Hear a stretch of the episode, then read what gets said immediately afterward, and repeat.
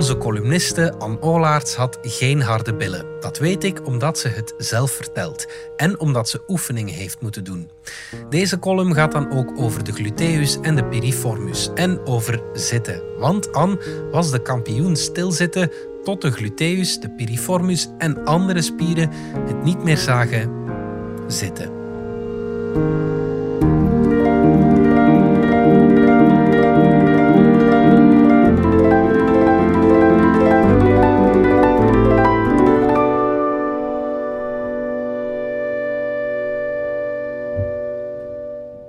Harde billen. Ik heb geen harde billen. Mijn billen hangen er maar wat bij.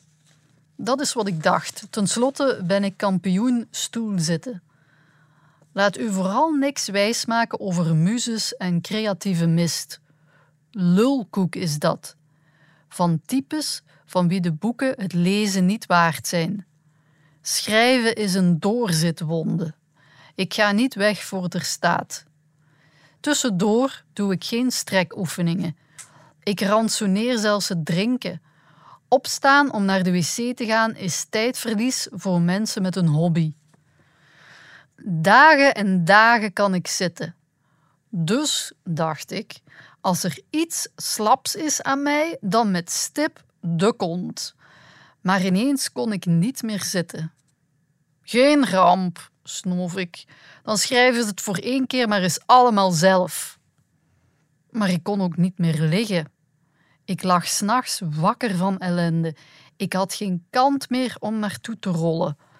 Overdag liep ik scheef. Zitten lukte alleen onderuitgezakt in een hoek van twintig rare graden. Het was hangen en behelpen. Het enige wat een beetje comfort opleverde, was bukken voor het aanrecht. Zeg. Ik schoot binnen bij een kinesist. Helena heette ze. Mooie billen had ze. Groot en ferm in de broek. Kraak mij, smeekte ik. Maar Helena liet mij onnozele oefeningen doen. Ik moest met mijn rug tegen de muur gaan staan. Recht. Het ging niet. Niks ging. Gelukkig was er een pneumatische hamer. Ik lag op mijn buik en Helena hamerde. Een gummibal dramde zijdelings langs mijn wervels. Het deed zo'n deugd. Ik bibberde woorden van dankbaarheid door het gat van de massagetafel. De rekening werd gepresenteerd voor een vergeetactie van meer dan twintig jaar. Nooit last van gehad, nooit veel aandacht voor gehad, maar ineens bracht mijn lijf zichzelf in herinnering. Het kreeg de kramp en het trok zo krom dat mijn toegewijde houding er niet meer in paste. Ik leverde mezelf in bij de kinesist. Wat moest ik anders? Ik ken jouw soort, zei Helena. Jullie vragen altijd een kraak, want tijd hebben jullie niet. Quick fix en doorgaan, dat is de bedoeling toch? Ik kreeg geen kraak van Helena. Ik moest oefeningen doen, ook thuis. De miserie zakte langzaam weg. Met één knie omhoog kon ik ook weer slapen.